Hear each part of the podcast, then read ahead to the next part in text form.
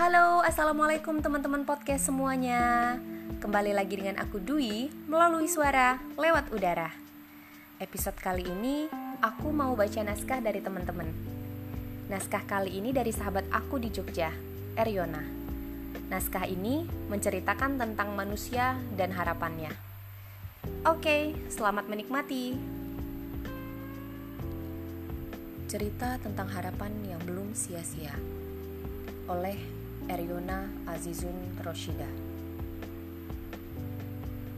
Setiap manusia punya tekad Setiap manusia punya asa Setiap manusia punya harapan Harapan tidak akan pernah ada tanpa memori di masa lalu dan tanpa tujuan di masa depan. Pernah merasa tidak berguna? Pernah merasakan sendirian, kesepian, atau ketakutan setiap malam? Pernahkah jatuh ke lubang yang dalam? Dan di dalam sanalah kamu merasakan semua itu. Itu yang membuat kamu jadi tidak berguna. Itu yang membuatmu jadi kesepian karena sendiri. Dan itu yang membuatmu ketakutan tiap malamnya. Kamu tidak bisa melihat apa pun di dalam sana padahal lubang itu tidak gelap. Mata ini masih enggan dibuka. Masih takut untuk melihat kenyataan yang terpampang dengan jelas. Seharusnya menangis. Menangisi harapan yang sudah pasti tak mungkin terjadi. Tapi kali ini tidak bisa, bukan? Tidak bisa kamu luapkan dengan air mata, walau sebenarnya kamu ingin tidak bisa kamu luapkan dengan teriakan, walau sebenarnya kamu ingin. Sesakit apa luka itu? Seberat apa beban itu? Seberat apa masalah itu?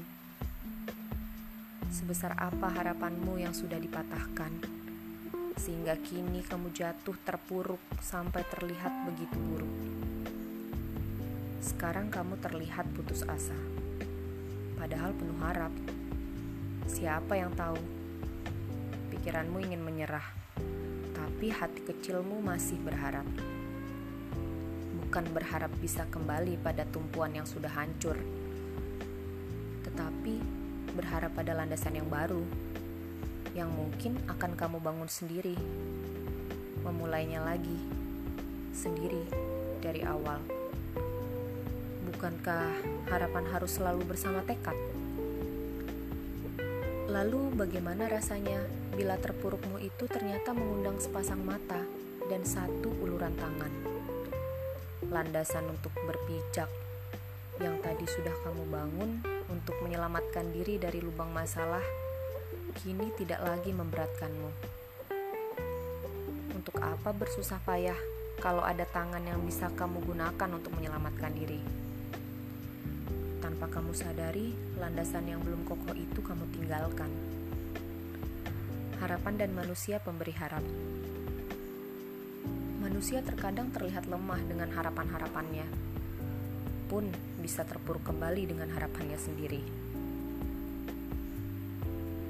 Lalu, bagaimana rasanya bila tangan yang terulur itu berhasil menyelamatkanmu? Terlihat tulus, tanpa ada maksud lain di baliknya. Pikiranmu menerawang hatimu. Sepertinya inilah balasan dari harapan yang tak pernah putus. Ragamu yang penuh bahagia dan sisa harapan menggenggam erat tangan itu. Bantuan dan manusia pemberi bantuan.